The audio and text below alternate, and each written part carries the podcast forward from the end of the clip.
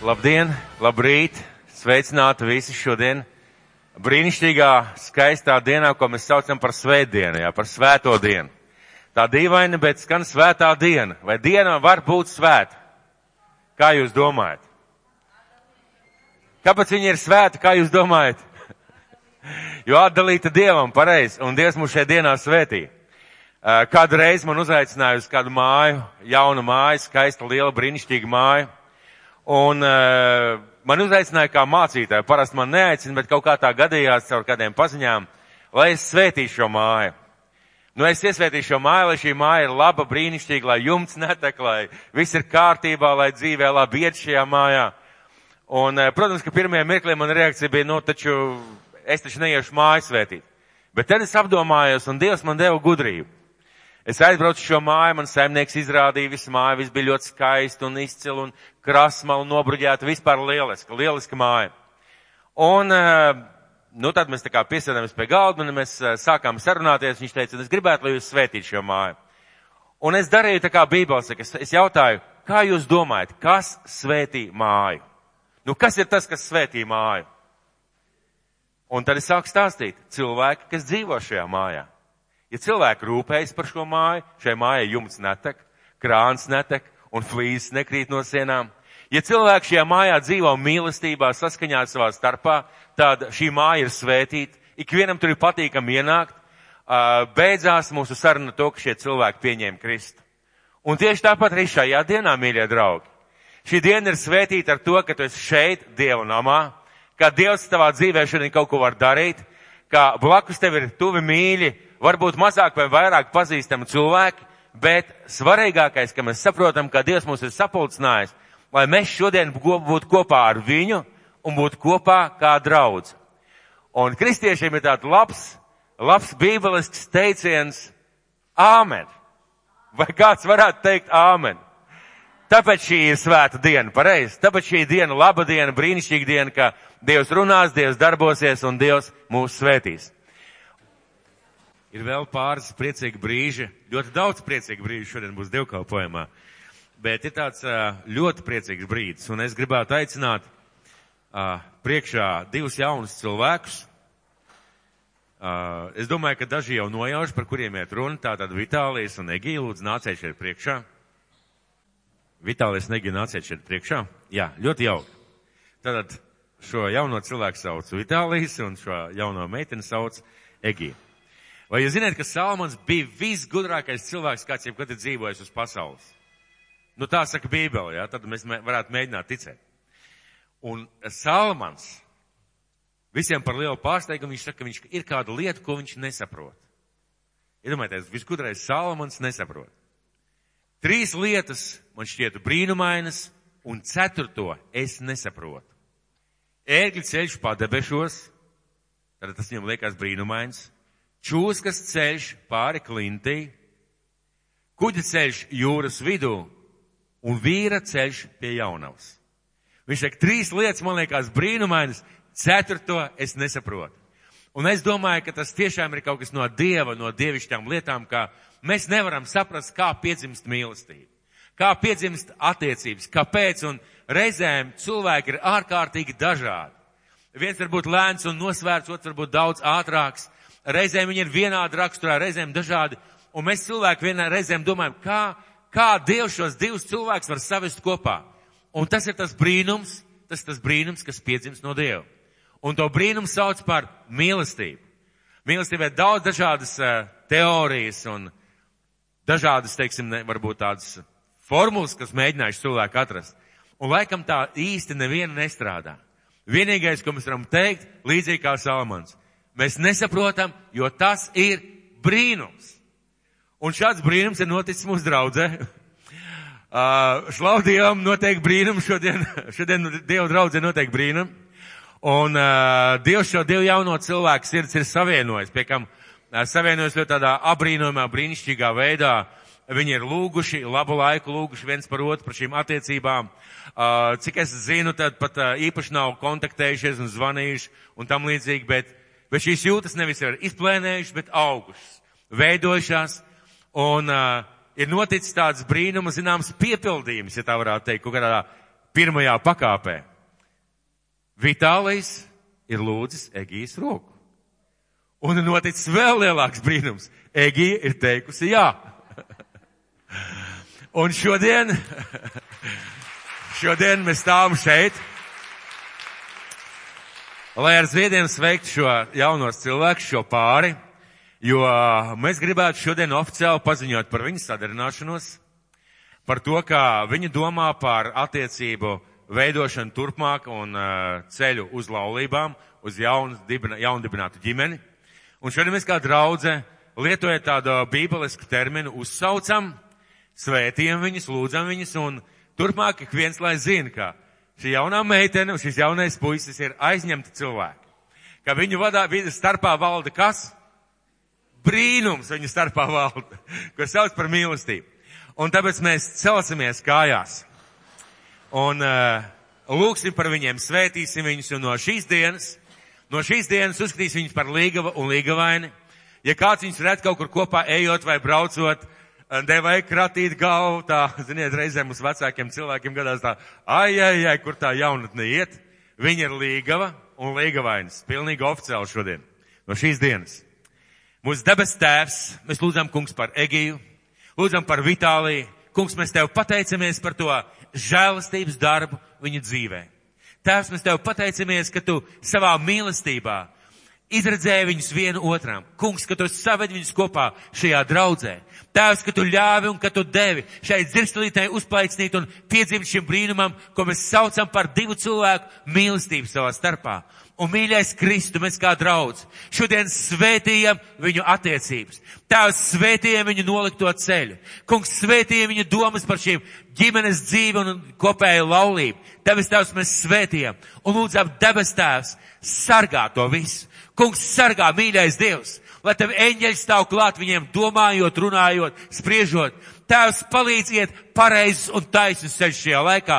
Kungs palīdz Dievs to visu novest līdz tiešām lieliskam, brīnišķīgam notikumam, kas notiks, ka viņi dos solījumu viens otram un būs kopā uz mūžu. Kungs, mēs tev pateicamies un slavējam tevi un priecājamies tēvs kopā ar šiem diviem jaunajiem cilvēkiem. Jēzus Kristus vārdā Āmen! Un sveiksim ar aplausiem! Mēs tiešām priecājamies šiem diviem jauniem cilvēkiem un uh, ir lieliski redzēt, ka Dievs ceļ, atjauno, dziedina to, ko Vāns kādreiz ir mēģinājis sabojāt. Mēs priecājamies, Vitālija, par tevi, mēs priecājamies, Egī, par jums, un mēs, mēs no sirds ticam, ka jūs būsiet lielisks pāris. Un uz to mēs jūs svētījam. Paldies! Un jūs ziniet, ka Vai jūsu dzīvē kādreiz nāk tādi sapņi, ko sauc par sliktiem sapņiem? Kādreiz mēdz gadīties, jā? Vai kādam kādreiz ir gadījies sapnis, ka viņš atkal iet skolā? Un tu pamosties, tev ir augsti sviedri. Ja, man ir divi tādi sapņi bijuši, ka es atkal esmu skolā, bet ne pirmajā klasē, eksāmena laikā. Un, kad es atkal esmu iesaukts padomju armijā, un tad es domāju, ko es šeit daru. Es jau esmu to visu piedzīvojis. Bet uh, tiem cilvēkiem, kuri mācās vēl, kuri studē, kuri dodas uz bērndārziem, uz skolām, jūs ziniet, ka 1. septembris ir tāds brīnišķīgs svētki, ja? Ziedi ir izpūs, izpirkti, un tu dodies ar, ar, ar ziedriem uz skolu. Tu zini, ka tu satiksi savus klases biedrus, tie, kur jau kādās nākošajās klasēs iet pirmklasniekiem vispār ar baltu kreklu un kā kādreiz baltās zeķu biksēs, jā, gāju uz skolu un sirds tāda ļoti satraukta, kas nu būs, kā nu būs. Man tādās reizēs šo bērnu ir patiesi prieks par šiem bērniem. patiesi prieks, jo es domāju, ka viņu dzīvē ir brīnišķīgs laiks un skola īstenībā ļoti vajadzīga un vērtīga. Un to mēs spējam novērtēt tikai pēc tam, un es domāju, ka neviens no mums neviens vien no mums noteikti ir nodomājis kaut kādā dzīves situācijā, cik žēl, ka es skolā nemācījos tā kā vajadzēja. Vai ir kāds tāds? Ir kāds tāds, jā? Daudziem no mums, bet vēl ir laiks, dažiem vēl ir laiks. Un tojās 1. septembris, tātad nākošais nedēļa 1. septembris, vasara ir beigusies. Un es gribētu šeit aicināt priekšā visus skolotājus, visus studentus, visus skolniekus, un visus tos, kur Jēzus bērndārs. Nāciet lūdzu šeit priekšā. Izstiepsim savas rokas, savas sirdis, jo tas ir nopietnas ceļš, tas nav vienkārši, tas nav tik viegli. Bet debesu tēvs, tu redz šo lielo brīnišķīgo pulku, šo vidējo paudzi, jaunos. Mīļais tēvs, mēs liekam viņus tavās rokās un lūdzam Jēzus Kristus nāceriešu vārdā apveltī viņus ar savu gudrību, ar savu žēlastību, ar savu klātbūtni. Dod viņiem, mīļais tēvs, to izmanību, kas viņiem ir vajadzīgs. Dod viņiem centību, dod viņiem saprašanu visās tajās lietās. Esi klāt eksāmenos un ieskaitēs, tēvs, un pasargā no visa ļaunā. Pasargā viņus no maldiem, no pasaulīgām mācībām, no visa tā, kas nav no tevis, tēvs ka viņi nepiesārņojas un neaiziet no taviem ceļiem, ka viņu prāts paliek skaidrs, mans Dievs, un ka tu viņu dzīvēs vari palikt pirmajā vietā, ka viņiem vienmēr ir attiecības ar tevi, lūkšanu kambari, ka viņi var studēt tavu vārdu pirmkārt un uzņemt tavas gudrības, mans tēvs, lai pārējās visas lietas tu varētu piemest. Tāpēc tēvs svētī svētīdam, žēlo viņus, mīļais tēvs, sargā no visa ļaunuma, vada viņus pa taisnu ceļu un neļauj viņiem nogriezties ne pa labi, ne pa kreisi no tevis, tēvs. Un svētī, mīļais mans Dievs, ka to, ko viņi saņem, to, ko viņi arī mācās tajās lietās, ka viņi var to izpildīt, ka viņi var to pielietot praksē un ka tas viņiem noder un ir vajadzīgs arī dzīvē. Tēvs svētī mans Dievs un žēlo un esi klāt no visām pusēm, mans Dievs, pēc sava vārda, pēc savu žēlstības un pēc savu apsolījumu tēvs. Un mēs ticam un zinām, ka tu dosi viņiem daudz vairāk, nekā vien mēs varam lūgt vai saprast Jēzus Kristus vārdā. Amen. Esiet svētīti, lai jums labi klājās. Beidzot, mēs esam nonākuši pie tā, ka mēs varam klausīties Dievu vārdu, bet es gribētu varbūt iedrošināt un uzmundrināt kādu, ja, ja kādam likās, ka tas, kas iepriekš notika, bija tikai ievadums, nemīļie, tas bija dievkalpojums. Jo mēs lūdzām par cilvēkiem, mēs kalpojam cilvēkiem, mēs kalpojam Dievam ar to. Bet tagad es gribētu dalīties ar vārdu, ar vārdu, kas ir manā sirdī. Ticu, ko svētais gars ikvienam no mums ir sagatavojis. Un vārds, ar kuru es darīšos, saucē, saucās mantinieka domāšana. Īpatnējs vārdu salikums - mantinieka domāšana. Mantiniekas domāšana. Un pagājuši svētdien es sludināju par to, ka mēs esam, kas Kristu esam pieņēmuši, kas esam slēguši derību ar viņu derību ūdens kristībās, kas esam lūguši, lai viņš ienāk mūsu dzīvē, lai viņš kļūst par mūsu kungu un glābē, mēs esam Dieva bērni. Mēs esam Dieva bērni un ka mēs kā Dieva bērni esam arī mantinieki. Un šī atšķirība veidojas tajā mirklī, kad mēs nožēlojam grēkus, lūdzam, lai Dievs ienāk mūsu dzīvē, mēs kļūstam par Dieva bērniem. Mūsu vārds ir ierakstīts debesīs, mēs kļūstam par Dieva bērniem un par Dieva mantiniekiem. Un uh, tā saka Bībele, tā saka Bībele, un vēstulē romiešiem teikts tā. Jo jūs nesat saņēmuši verdzības garu, lai atkal kristu bailēs, Bet jūs esat saņēmuši dievbērnības garu, kas mums liek saukt aba tēvs.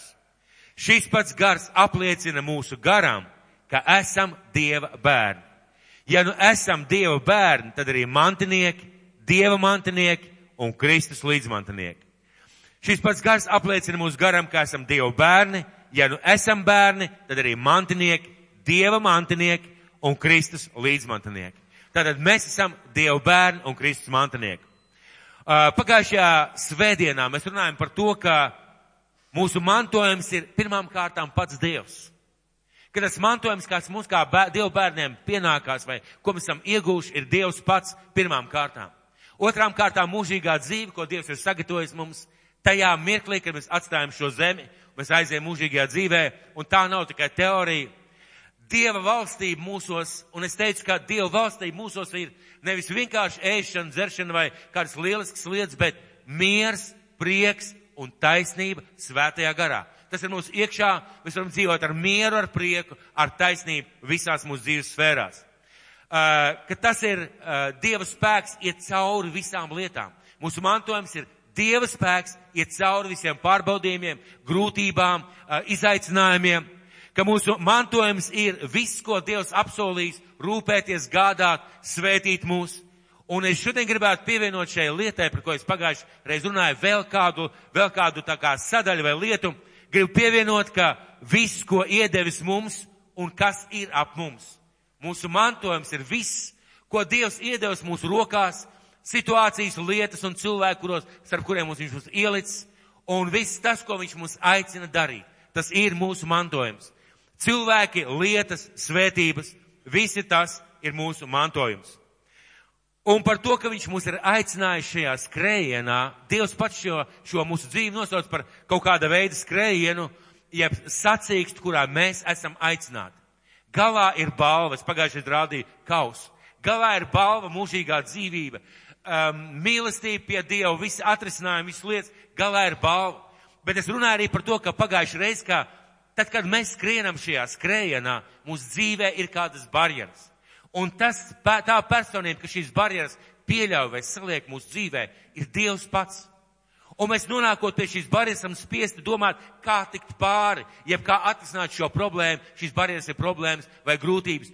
Un tad, kad mēs iemācāmies pārliekt šīs barjeras, jeb šīs grūtības, šos sarežģījumus, jeb šīs regulārās situācijas, kas mūsu dzīvē pareizā Dieva veidā, mēs augam. Mēs sākam valdīt par tām lietām, kas agrāk valdīja pār mums. Mēs varam rīkoties pareizajās situācijās, kurās agrāk mēs rīkojamies nepareizi. Un mēs augam, mēs pieaugam, un Dievs mums var iedot tās mantojuma daļas, kuras mēs varam saņemt šeit uz zemes vēl dzīvi esot. Mūžīgo dzīvību mēs iegūsim, kad aiziesim pie tēva, bet miers, prieks, svētības, spēks, tas ir tas, ko mēs šeit varam iegūt, ja iemācāmies lekt un pārlikt pār kādām barjerām.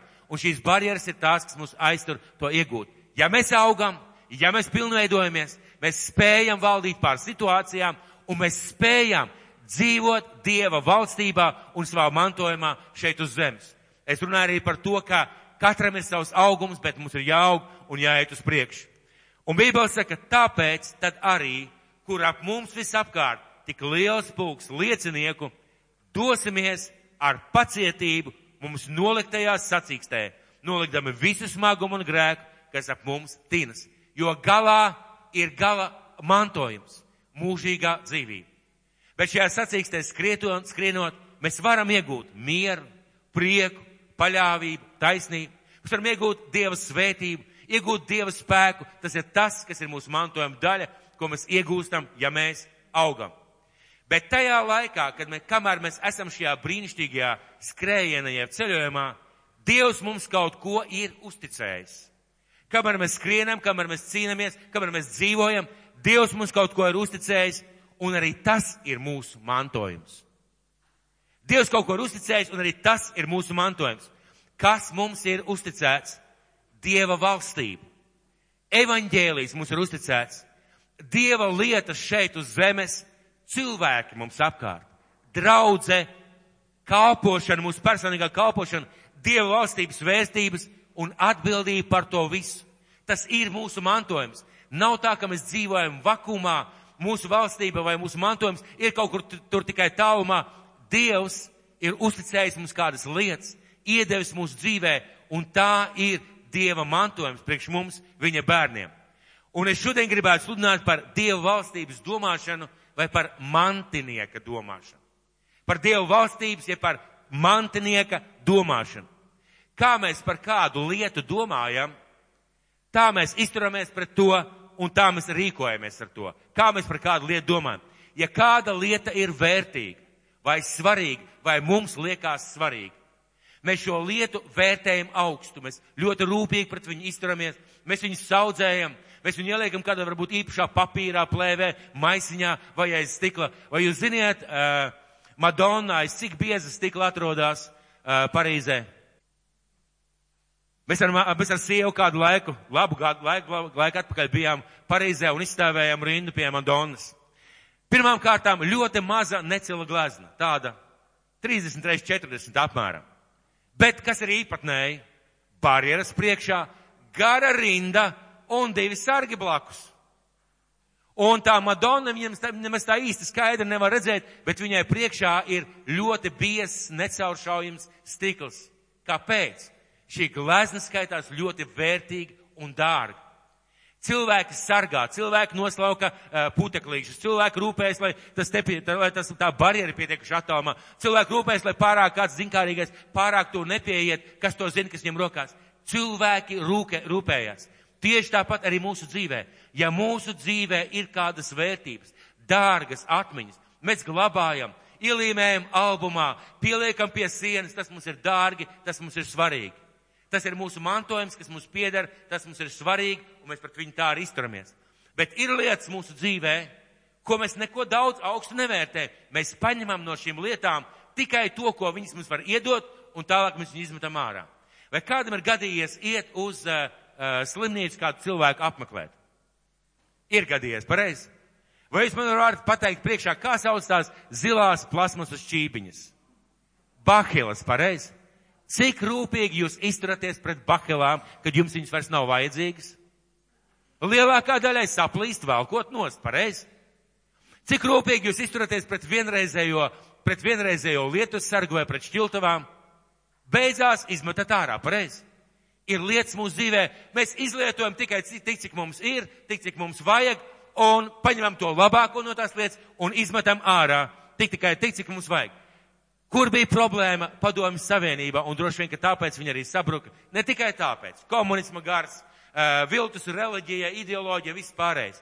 Bet kur bija problēma, cilvēkiem problēma dzīvē, kāpēc ekonomiski šī valsts, kur bija ļoti bagāta, ekonomiski un militāri ļoti spējīga un iespaidīga, kāpēc viņa, viņā gāja tik slikti? Ziniet, kāpēc? Jo viss piedara visiem. Un kurš vairāk maisus, um, piedodiet, kviešu maisus laukos dzīvoja uz mājām aizstiep, tas ir lielāks malacis. Kurš, uh, kurš izmantoja kolhoza, nezinu, detaļas vai, vai uh, remonta līdzekļus savai mašīnai, tas bija lielāks malacis. Kurš kaut ko vairāk varēja aizstiept no savas fabriks vai rūpnīcas, lielāks malacis. Kāpēc? Jo visi ņēma, ko varēja paņemt. Un ņēma tikai sev tam mirklim.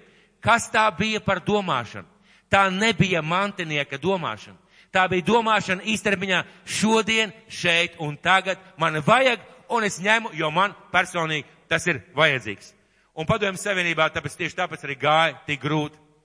Un Dieva bērniem, Dieva bērniem, mīļie, glābtiem, atpestītiem, pat svaidītiem un svētītiem ar svēto garu, var būt mantinieka domāšana vai patērētāja domāšana. Es jūs pārsteidzu. Es domāju, ka mēs reizēm paši kādreiz esam par to aizdomājušies. Vai mantinieka domāšana, vai patērētāja domāšana. Kad es domāju kā mantinieks, kā dabas valstības mantinieks, vai kā patērētājs, un kāds teiks, tas tā nevar būt. Es esmu sastapies, un es zinu, ka tā var būt. Ziniet, kāpēc? Jo ja tev nav mantinieka domāšanas, vieta tukša nepaliek. Tev ir patērētāja domāšana. Un pat jau liekas, ka tev nav, tomēr tā ir. Un šodien es gribētu runāt, uzdot sev un jums jautājumus, uh, lai mēs liktu domāt, kad visi domāt par to, vai tev un man ir jābūt šai mantinieka domāšanai. Vai tev un man ir jābūt šai mantinieka domāšanai. Un es vēlreiz gribētu izlasīt vēstules romiešiem 8. nodaļu, 15. līdz 17. pants. Vēstuli romiešiem 8. nodaļa no 15. līdz 17. pantam. Pāvēl vēstuli romiešiem 8. nodaļa no 15. līdz 17. pantam. Tas ir Dievvvārds. Jo jūs nesat saņēmuši verdzības garu, lai atkal kristu bailēs. Bet jūs esat saņēmuši divbērnības garu, kas mums liek saukt aba tēvs. Šīs pats gars apliecina mūsu garam, ka esam Dieva bērni. Ja nu esam Dieva bērni, tad arī mantinieki, Dieva mantinieki un Kristus līdzmantinieki. Kāpēc Pāvils raksta šos vārdus? Kāpēc viņš raksta šo vārdus? Jo var būt mantinieks, bet ar verga domāšanu. Var būt visu lietu mantinieks, bet ar, kar, ar, ar kalpa sirdi, jeb kalpa domāšanu. Kāpēc viņš šo raksta? Jo ir iespējams, ka tev viss piedara bet tu rīkojies, izturies, reaģē, rūpējies, gādā kā kalps, kā vergs, kuram tas nepiedara. Un Pāvils raksta, jums ir jāzina, jūs esat mantinieki. Un ja tu rūp, rīkojies kā vergs, ja tu rīkojies kā kalps visā šajā lietā, nevis kā mantinieks, iemesls ir viens, tev ir patērētāja domāšana. Kāpēc patērētāji, jeb kā tas ir?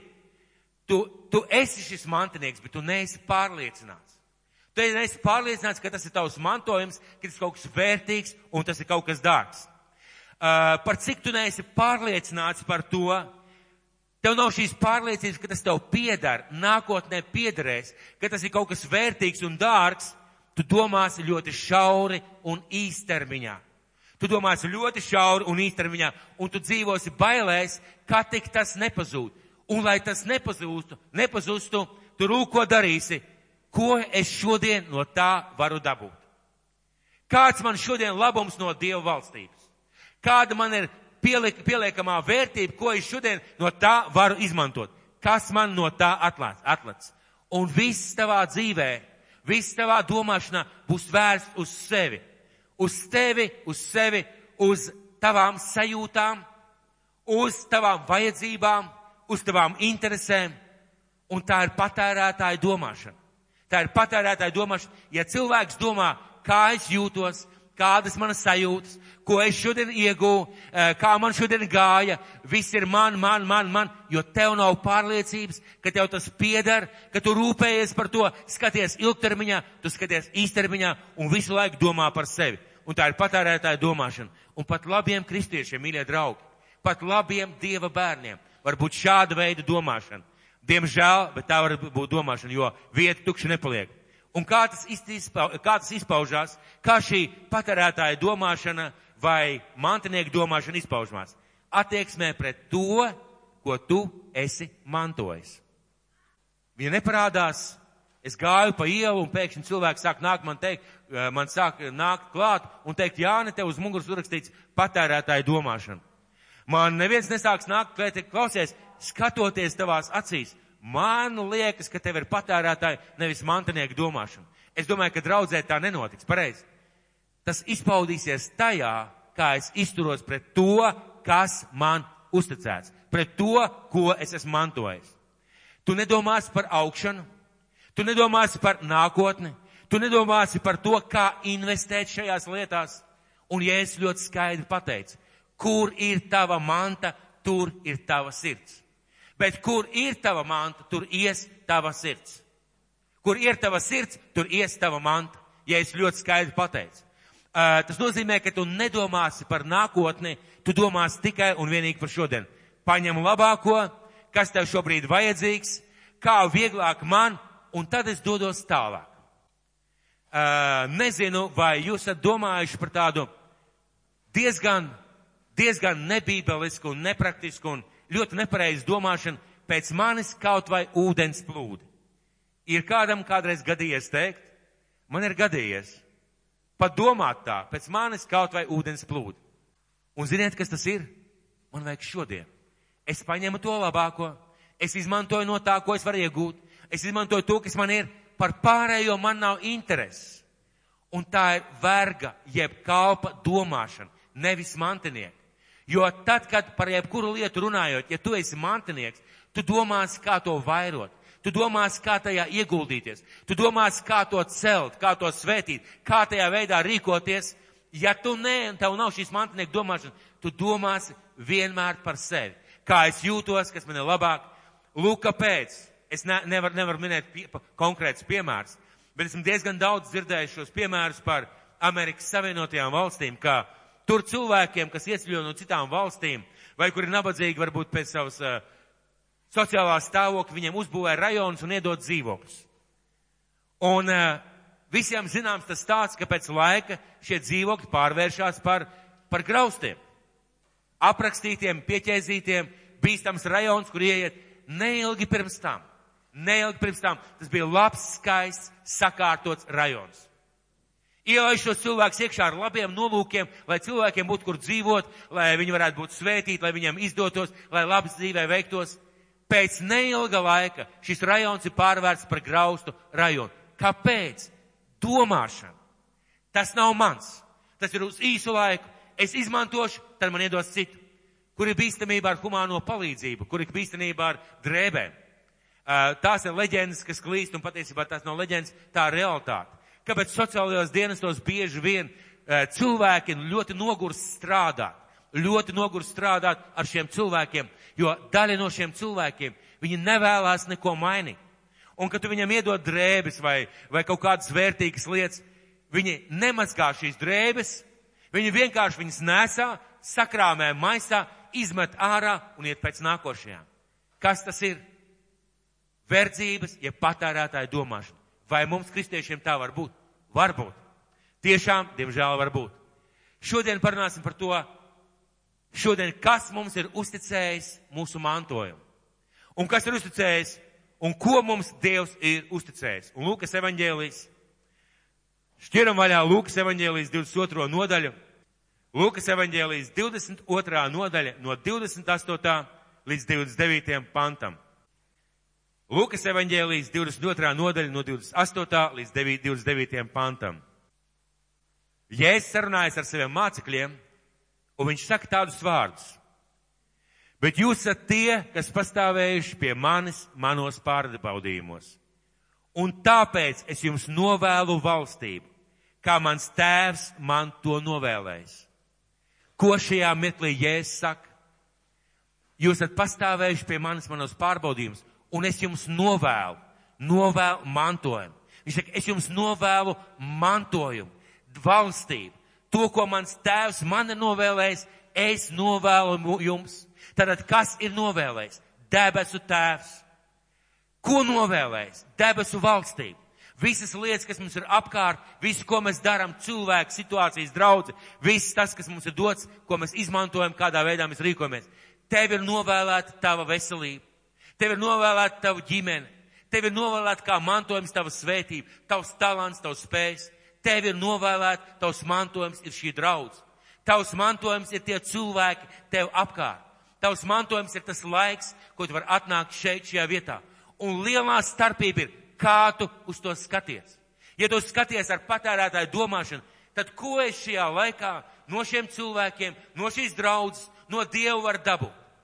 Ja es domāju kā mantinieks, ko es šiem cilvēkiem, ko es Dievam, ko es, ko es apkārtējiem situācijām varu dot, iedot, kā es varu celt, kā es varu svētīt šo mantojumu, šo mantojumu daļu, kas mums ir iedot. Kas ir valstība mūsu vidū? Katrs mēs to, uz to skatāmies nedaudz savādāk. Bet viss, ko Dievs mūsu katra dzīvē ir devis, un viss, kas saistās ar mūsu ticību un kalpošanu Dievam. Visas lietas. Kā tas ir? Kristus pats. Mēģināsim kādas pāris lietas paskatīt. Kristus pats. Kristus pats. Viņš ir mūsu mantojums. Tā saka Bībele. Un mantinieka domāšana ir, viņš ir mans Dievs. Es viņam piedaru. Viņš ir mans mantojums. Viņš ir dārgāks man par visu. Es neesmu gatavs un es netaisos viņu pazaudēt. Un pat ja viņš man kaut ko neiedod, neiedod vai neizdarīs tā kā es gribu, viņš man ir vajadzīgs. Es viņu gribu mīlēt, būt kopā ar viņu. Tā ir mantinieka domāšana. Es gribu celt viņa valstību. Bet Kristus var būt arī krāns. Un daudziem cilvēkiem Kristus ir vienkārši krāns, ko atskrūvēt, lai dabūtu svētības. Un cilvēks nāk pie Dieva, debes tēvs, tu teici, ka tu rūpēsies par mani. Varbūt cilvēki tāpat nesaka, bet tā viņi domā. Uh, un cilvēks skatās, ko Dievs man iedos, ko Dievs man, kā Dievs man svētīs. Kristus kā krāns, visas vajadzības pie viņa vajag iet. Bet tajā mirklī, kad šis krāns nedod to, ko vajag, mēs apvainojamies un dusmojamies. Un kas tas ir? Nav cilvēks slikts. Viņa domāšana ir patērētāja domāšana. Nevis mantinieki, bet patērētāja domāšana, ko, ko Dievs man var iedot. Cilvēki, par cilvēkiem runājot, mantinieka domāšana būtu, cilvēki man doti, lai es viņus mīlētu, lai es būtu kopā ar viņiem, lai tā ir dāvana man, cilvēki ir dāvana man. Tas ir mans mantojums, tas laiks un tie cilvēki, ar ko es esmu mana darba kolēģi, mana ģimene, mani tuvinieki, draudz locekļi, tā ir dāvana man. Un mantinieks domā, kā es varu šajos cilvēkos investēt, ko es varu viņiem iedot, kā es varu celt šo, pavairot šo bagātību, kā es tajā visā varu dzīvot. Patērētāja domāšana, šin, domāšana ir, es neieguldos šajos cilvēkos, es neieguldos tajā, kur es esmu, es neieguldos savā darbā, es neieguldos savā draudzē, jo tas viss ir kā līdzeklis tam, lai es labi justos. Un ja es labi jūtos, man šie cilvēki, tas viss ir vajadzīgs. Ja es nejūtos labi vai netiek apmierināts manas vajadzības, man tas vairs nav vajadzīgs. Kāpēc man būtu jā, jābūt būt kopā ar šiem cilvēkiem? Viss ir domāts, lai man būtu. Parunāsim par kalpošanu. Kalpošana. Mantinieka kalpošana ir, domāšana ir, lai es ar savu dāvanu celtu cilvēkus. Lai cilvēku tikti glābt. Es lietoju laiku, talantus cilvēku labā.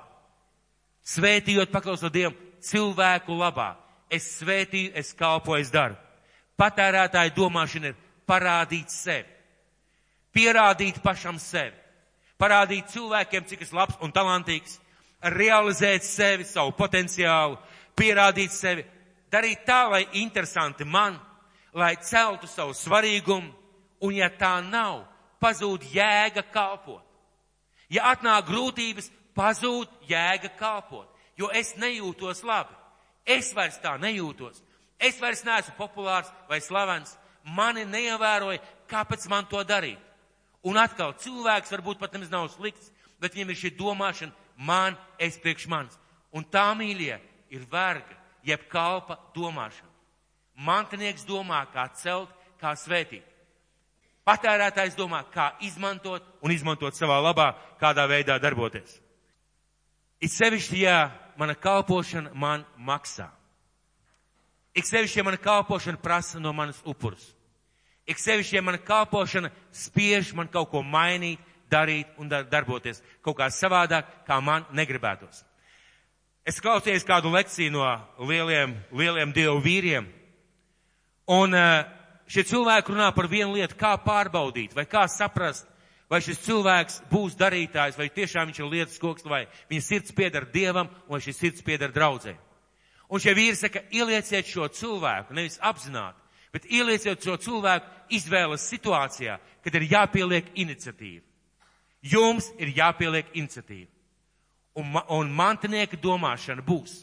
Viņš meklēs risinājumus, veidus, nezinu, brauks par nakti, daros, darīs kaut kādas trakas, neprātīgas lietas, kaut kā atrisinās šo situāciju. Patērētāja domāšana būs un reakcija būs. Man nav, es nevaru. Man vienkārši nav tāda apstākļa, es nevaru un viss. Esmu daudz ar to sastapies, daudz to piedzīvojis. Un Dievs saka, ka tu nonāc tādā situācijā, tu ieraugi, kas tevī ir. Esmu redzējis cilvēks, kas nakts laikā dara lietas, kuras ir vajadzīgas Dievam un kuras vajadzīgas draudzē. Un esmu redzējis cilvēks, kuri saka, man pagājuši nedēļa saplīsa dators, un es vienkārši vairs neko nevaru izdarīt. Nu, man nav datora. Pastāv bibliotekas, pastāv draugi, pastāv dažādas iespējas meklēt savā vietā kādu. Un cilvēks saka, man vienkārši nav, un es to nedaru. Man vienkārši nav laika, un es to nedaru. Un bieži vien tur parādās cilvēks, varbūt labs, bet domāšana. Domāšana nav mantinieka, bet tāda cilvēka, kurš vienkārši grib lietot vai labi justies. Un pats varbūt to arī varbūt par nevar zināt. Draudze. Kā draudzē parādās mantinieka domāšana vai patērētāja kalpa domāšana? Ja mēs lietojam, ja mēs mantinieka domāšanu saka tā, draudz man ir dot, lai mēs būtu kopā lai mēs kopā kalpotu Kristum, lai mēs būtu kā viena miesa, lai mēs viens otru celtu, studētu, lai mēs svētītu viens otru savām dāvanām, saviem talantiem, katrs savā veidā, un cilvēki izbauda šo kopā būšanas prieku. Cilvēki izbauda šo kopā būšanas prieku, jo tā ir draudz. Un patērētāja domāšana, ja vergieb kalpa, ko es no draudzes varu dabūt. Kā es jūtos draudzē? Vai jūs redzat Bībelē kaut vienu jautājumu, kur Jēzus būtu uzdevis, kā tu jūties draudzē? Pie kāda mācītāja atnāk kāds vīrs, liela draudz patiesa stāsts. Un saka, mācītāji, ar mūsu draudzu nav kārtībā. Mūsu draudzē nav mīlestības, un es jūtu, ka mani nemīl. Un mācītājs nav uz mutes krits, viņš saka, klausies, draugs, vai tu man parā, varētu parādīt Bībelē vienu vietu, kur būtu rakstīts, ka tevi ir jāmīl. Vienu vietu parāda, parāda, kur rakstīts, jums ir jāzina, ka jūs ir jāmīl. Bībelē rakstīts mīliet. Mīliet. Un šī te patērētāja domāšanā, kā es draudzēju jūtos. Kāds man no tā labums? Ja es varu dabūt labumu emocionālu, garīgu, fizisku, jeb kādā citādā veidā, es e, esmu šajā draudzē, esmu kopā ar visiem, dziedu aleluja. Ja es nevaru dabūt, es dodos tālāk. Un parasti ir svētais gars mani ved. Dieva gars mani aizveda jau septītā draudz, un Dieva gars joprojām vadā. Piedodiet, bet tā esmu teicis. Un tad iznāk tā, kā es kādā dievkalpojumā teicu. Dieva gars nevis vadītājs, bet vadātājs. Svētais gars burtiski tā vadā pa draudzēm. Kur tad beidzot tu jutīsies labi, kur tad beidziet tev būs forši? Es nesaku, ka tā nevar būt. Es nesaku, ka tu kādā draudzē var nejusties kā mājās. Es nesaku, ka kādā draudzē tu var, nevars, uh, tu var nesaņemt to barību, kas tev ir vajadzīgs. Tā var būt. Bībele saka, ka dažādi augumi, dažādas pieredzes, dažādas mentalitātes, tā var būt. Piemēram, senioru draudzē jauniešiem ir grūti, bet man ir piedāvājums. Mīļie jaunieši, veidojiet jauniešu kalpošanu, svētiet seniorus, neskaties kā uz senioriem.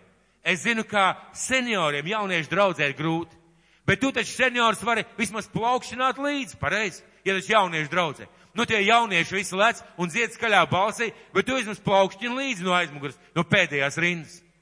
Jautājums ir, kā tu reaģē uz to, kur tas ieliks. Un kurā mirklī, kurā mirklī parādās šī atšķirība, kurā mirklī mēs varam atpazīt vai ieraudzīt sevi, vai mums ir mantinieka domāšana vai patērētāja domāšana. Un es gribētu jūs vest uz Jāņa evaņģēlī desmito nodaļu. Jāņa evaņģēlijas 10. nodaļa no 11. līdz 15. pantam. Jāņa evaņģēlijas 10. nodaļa no 11. līdz 15. pantam. Mēs ļoti daudz viet, zinām šo vietu. Un parasti mēs šo vietu tulkojam nedaudz savādāk. Runa ir par labo ganu. Bet es jums gribu parādīt, ka Jēzus parāda piemēru. Viņš patiesībā runā par šīm divām domāšanām. Tātad Jāņa evaņģēlijas desmitā nodaļa, 11. līdz 15. pants. Un ja es saku tā, es esmu labais gans. Labais gans atdod savu dzīvību par savām avīm. Derētais gans, kas nav īstais, kam avis nepiedara, redzēdams vilku nākam, atstāja avis un bēg. Un vilks tās nolopa un izklīdina. Jo viņš ir derēts gans, un avis viņam nerūp. Es esmu labais gans, es pazīstu savas avis, un manas avis mani pazīst. Itin kā tēvs pazīst mani, es pazīstu tēvu un atdodu savu dzīvību par savām avīm. Brīnišķīga vieta, un šī vieta ļoti skaista un perfekti runā par situācijām mūsu dzīvēm par mūsu izvēlēm, par to, kā mēs skatāmies un par mūsu domāšanu. Un mēģināsim vēlreiz, sāksim ar 11. pantu. Jēzus saka, es esmu labais gans. Viņš apzīmē sev ar vārdu labais, kas nozīmē ideālais, perfektais Dieva skatījumā, Dieva izpratnē. Labais gans atdod savu dzīvību par savām avīm. Skatieties, parādās atšķirība. Viņš atdod dzīvību par savām avīm. Viņš saprot, ka avis ir viņa mantojums, un viņam ir mantinieka domāšana, tās ir manas avis. Un ko viņš dara? Viņš atdod dzīvību sava mantojuma dēļ. Viņš atdod dzīvību par to, kas ir viņa mantojums. Kāpēc? Jo viņš ir labais gans, un viņam ir mantinieka sirds. Viņam ir mantinieka sirds. Un tālāk viņš runā derētais gans, derētais gans, tas nozīmē nevis mantinieks, bet algotnis, kalps, vergs, kas par samaksu strādā, par izdevīgumu strādā, derētais gans, kas nav īstais, tātad nav īstais gans, kam avis nepiedara. Lūk, kur parādās. Viņam avis nepiedara. Un ja tu domā, tie cilvēki nav mans mantojums, tā draudz nav mans mantojums, evaņģēlijas nav mans mantojums. Cilvēki apkārt nav mans mantojums. Viņam šim, šim ganam avis nepiedara. Redzēdams vilku nākam, atstāja avis un bēg. Un vilks tās nolaupa. Tātad šis darētais gans, kuram avis nepiedara, viņš nedomā kā mantinieks, redzēdams vilku. Kas ir vilks? Vai esat kādreiz domājuši, kas ir vilks? Vilks ir vilks, tūt kāds teiks, jā. Nu, vilks. Kas ir vilks? Par ko šeit jēzus runā? Grūtības. Grūtības, pārbaudījumi un uzbrukumi. Un viņš saka, jēzus saka, derētais gans, kuram nav šī mantinieka domāšana. Viņš redzot, sastopot grūtības, problēmas un izaicinājumus, viņš atstāja savu man, to, to, kas viņam nepiedara, tātad šo te mantojumu, kam vajadzēja būt viņa mantojumam. Viņam šis mantojums nepiedara, viņš atstāja un bēg. Kas ir interesanti? Vilks nāk ne jau pēc gan. Pēc kā nāk vilks? Pēc aitām. Kas bēg? Gans. Un tajā mirklī, kad viņš bēg, viņš redz acīs tādu bildi. Vilks viņu pārmets pār plecu un stiep uz savu alu. Un pat cik viņam tā bilde ļoti bieži atkārtojās acīs, viņš bēg. Viņš bēg, viņš laizās un avis tiek izkaisīts, kā šeit rakstīts, un vilks tās nolaupa un izklīdina. Jo viņš ir derēts gans un avis viņam nerūp. Lūk, iemesls. Viņam nav mantinieka domāšanas. Un ja tev nav šīs mantinieka domāšanas, līdz ko nāks problēmas, grūtības un izaicinājumi, par ko tev būs jācīnās, ka tev būs jāmaksā par savu mantojumu, tajā mirklī tu atstās un bēgs. Jo tev liksies grūti priekš tevis, nepanesam priekš tevis, smagi priekš tevis, neiespējami priekš tevis. Derētais gans atstāja un bēg. Mantinieks, mantinieks labais gans. Viņš atdod savu dzīvību, viņš izdara visu, izdara visu, lai nosargātu savu mantojumu, lai svētītu savu mantojumu. Tur ir tā milzīgā atšķirība. Atšķirība ir mantinieka vai kalpa domāšana. Atšķirība ir mantinieka vai patērētāja domāšana. Kāpēc? Kāpēc man par evaņģēliju atdot savu dzīvību, ja man tas maksā dzīvību? Kāpēc man par Dieva valstību atdot savu laiku, savus resursus, savu finanses, ja tas man atpakaļ neko neatdos? Kāpēc man būt draudzē? Kāpēc man maksāt cenu ar savu dzīvi par draudzes svētību, par draudzes dievbību, par draudzes augšanu un veidošanos, ja man no tā personīgi nekas īpaši netiek? Kāpēc? Viens iemesls. Mana domāšana ir nevis mantinieka, nevis mantinieka, bet patērētāja domāšana. Un es ar šo vietu, ar šo vietu viņš saka, tad, kad jūs esat kopā ar cilvēkiem, kad jums ir uzticēts kāds mantojums, cilvēki, kalpošana, atbildība, draudze, draudzes nams, jums ir uzticēts, un atšķirība parādīsies tajā mirklī, kad būs problēmas un kad būs grūtības. Vai jūs ieguldīsiet visu, ko jūs vien spējat, lai šo situāciju mainītu? Vai jūs kāpsieties atpakaļ un pateiksiet, nē, tas nav priekš manis, lai viņi paši tiek galā?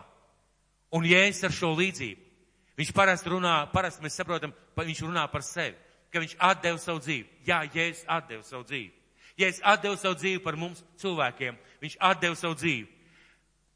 Un te ir tā lielā starpība, ka viņš šajā vietā runā arī par šīm dažādām domāšanām. Jēzum bija mantinieka domāšana. Viņam bija mantinieka domāšana, viņš atnāca pie cilvēkiem, jo mīlēja cilvēkus. Mīlēja cilvēkus. Jā, grēcīgus, jā, nepareizus, jā, grēzus, jā, nešķīstus, jā, netīrus un nepareizus cilvēkus. Viņš mīlēja. Un pat cik tas bija viņam mantojums, viņš atnāca pa šiem cilvēkiem, ja iespējams, lai kādu arī glābtu. Un viņš izglāba tūkstošiem cilvēku. Cilvēku viņu nepieņēma. Vai viņš kāpās atpakaļ pateica paši vainīgi? Nē, viņš gāja līdz galam. Mācekļi viņu sarūktināja nepārtraukt. Pat līdz pēdējiem mirklim mācekļi viņu sarūktināja. Kad beidzās viņa ciešanas, viņš cēlās augšā, viņš atnāk pie Pētera un saka, Pēter, vai tu mani mīli? Vai tā bija patērētāja domāšana vai mantinieka domāšana? Tā bija mantinieka domāšana. Kad Jēzus domāja par savu mantojumu, ka viņš izdarīja visu iespējamo, lai šie cilvēki iemantot mūžīgo dzīvību. Kristus nomira un samaksāja. Kāpēc? Viņam bija šī mantinieka domāšana. Dieva valstības mantinieka domāšana. Un šodien Jēzum ir Dieva valstības mantinieka domāšana. Ja mēs lasām Bībelē, viņš aizlūdz par mums. Viņš tēva priekšā aizlūdz par mums. Viņš palīdz, kad mums ir problēmas. Viņš piedod, kad mēs kļūdamies. Un mēs zinām, kā, mēs zinām, ka viņš ir par mums, nevis pret mums. Ja šeit ir kāds cilvēks, kurš Kristu vēl nav pieņēmis, tev ir jāzina. Tavs labais gans ir par tevi, jo tu esi viņam mantojums. Un mums, mīļie draugi, cilvēkiem ir jāzina. Ja es ļoti skaidri kādā vietā pateicu, kuras neminēšu, atrodiet paši, viņš teica tā. Viņš teica tādus vārdus. Kāps visu mūžu nepaliek mājās. Dēls gan. Ziniet, ko, ko viņš gribēja to teikt? Ja jums būs kalpa, ja jums būs patērētāji, ja mums būs verga domāšana, jūs neaiziesiet līdz galam. Ja jūs būsiet dēli un mantinieki, jūs aiziesiet līdz galam. Jūs spēsiet izdarīt to, uz ko Dievs mūs aicina. Ar kādu domāšanu mēs dzīvojam? Un kādu domāšanu Jēzus šodien vēlās veidot mūsos? Pilnīgi viennozīmīgi mantinieku domāšanu. Ar mantinieku domāšanu, kad mēs saprotam, ka mums ir uzticēts šīs lietas, mums uzticēti cilvēki, uzticēta kalpošana, uzticēts evaņģēlijs, uzticēts šis rajons, mīļie, uzticēts Āgenskalns šai draudzēji uzticēts šī valsts, Latvija, uzticēts mūsu darba vietas, mūsu kalpošanas vietas, mūsu atbildības, uzticēts šī draudz, mums ir uzticēta. Kāda domāšana mums būs? Vai tu jūties mantinieks? Ja tu nejūties mantinieks, domā par to, lūdz par to un maini savas domas. Vai tu jūties, kā cilvēki tev apkārt ir tavs mantojums? Godīgi. Nelūkšu pacelt rokas. Vai tu jūti, ka cilvēki, kurus Dievs mīl un kuri mīl Dievu, ir tavs mantojums? Vai tu jūti, ka viņi ir tavs mantojums? Vai tu jūti, ka draudze, uz kur tu ej, ir tavs mantojums? Par kuru, kā Jēzus teica, labais gans atdod savu dzīvību par savām avīm. Vai tu jūties, ka šī draudze ir tavs mantojums? Vai tu jūties, ka tavs mācītājs ir tavs mantojums? Vai tu jūties, ka tavs mācītājs ir tavs mantojums? Vai tu jūti, ka tas cilvēks, kas tev ir blakus, ir tavs mantojums? Vai tu jūti, ka tā kalpošana, tā dāvana, tas talants, ko Dievs tev ir ielicis, tās spējas, tavs laiks ir tavs mantojums, ko viņš aicina izmantot dabas valstībai? Un vai tu esi gatavs ieguldīties savā mantojumā? Ja tu, esi, ja tu esi gatavs to darīt, es tevi apsveicu. Es tiešām tevi apsveicu, auc tajā, pieauc tajā, lasi šo vietu. Manā dzīvē ir bijuši diezgan daudz gadījumu, kad es lasīju šo vietu un es mainīju savus lēmumus. Ir bijuši situācijas, kad es domāju, pats vainīgs. Dari, kā tu zini, man vairs nav daļas. Un tad es lasu šo vietu un es saprotu, ka ir vēl kaut kas, ko es varu izdarīt. Ka ir vēl kaut kas, kā es varu tam cilvēkam kalpot ka ir vēl kaut kas, ko es varu dot draudzē, ka ir vēl kaut kādas lietas, kā es varu lietot savus talants un savus spējas un līdzekļus, lai celtu debes valstī. Kāpēc? Tāpēc, ka es saprotu, ja man būs debesu mantinieka domāšana, es aiziešu līdz galam un es mīlu Dievu un es cenšos mīlēt cilvēkus. Tāpēc domā par to, ja tev nav šādas domāšanas, sāc veidot šo domāšanu, saņem atklāsmi. Saņem atklāsmi, ka debesu valstības domāšana ir dāvana tev. Arī tas ir tavs mantojums, šī domāšana. Jo cilvēki, kuri netic Dievam, viņi nevar izveidot šādu domāšanu. Diemžēl, bet viņi ir vienmēr vērsti uz sevi, un jo cilvēks labāks, sirsnīgāks, mīļāks, līdzjūtīgāks, kas ir Dieva īpašības šajā cilvēkā, jo vairāk viņš ir par svētību visiem apkārtējiem. Bet tāpat pienāk mirklis, ka viņš saka, nē, manas intereses ir augstāk par citu cilvēku dzīvību. Un tāpēc, ja es teicu, nav lielākas mīlestības, kā ja kāds atdod savu dzīvību par saviem draugiem. Šajā gadījumā, kas atdod dzīvi par saviem draugiem, par savu mantojumu. Tāpēc, mīļais draugs, saņem atklāsmi. Veido sevi mantinieku domājumu. Cilvēki, draudze, tava kalpošana, tava atbildība šajā rajonā tavs mācītājs, cilvēki apkārt, tava ģimene ir tavs mantojums. Veido mantinieku domāšanu. Un lai Dievs tev svētī, un lai Dievs tev palīdz. Mūsu debes tēvs, Kungs, mēs tev pateicamies, ka mēs tev pateicamies, Tēvs, ka mēs varam dzīvot tavā valstībā. Tēvs, mēs tev pateicamies par to, ka mēs varam domāt kā tavas valstības bērni. Tēvs, mēs tev pateicamies par to, ka mēs varam pacelties pāri šim līmenim, man, mani, priekš manis. Ka mēs varam pacelties pāri un paskatīties uz visām lietām savā dzīvē no šīs mantinieka domāšanas perspektīvas. Un, mīļais kungs, es tev lūdzu, lai tas kļūst praktisks. Tēvs, lai tas kļūst praktisks katra cilvēka dzīvē. Lai tas ir praktisks manā dzīvē, cilvēku dzīvē, kalpošanas vadītāja dzīvē. Lai tas ir praktisks šo draudz cilvēku dzīvē.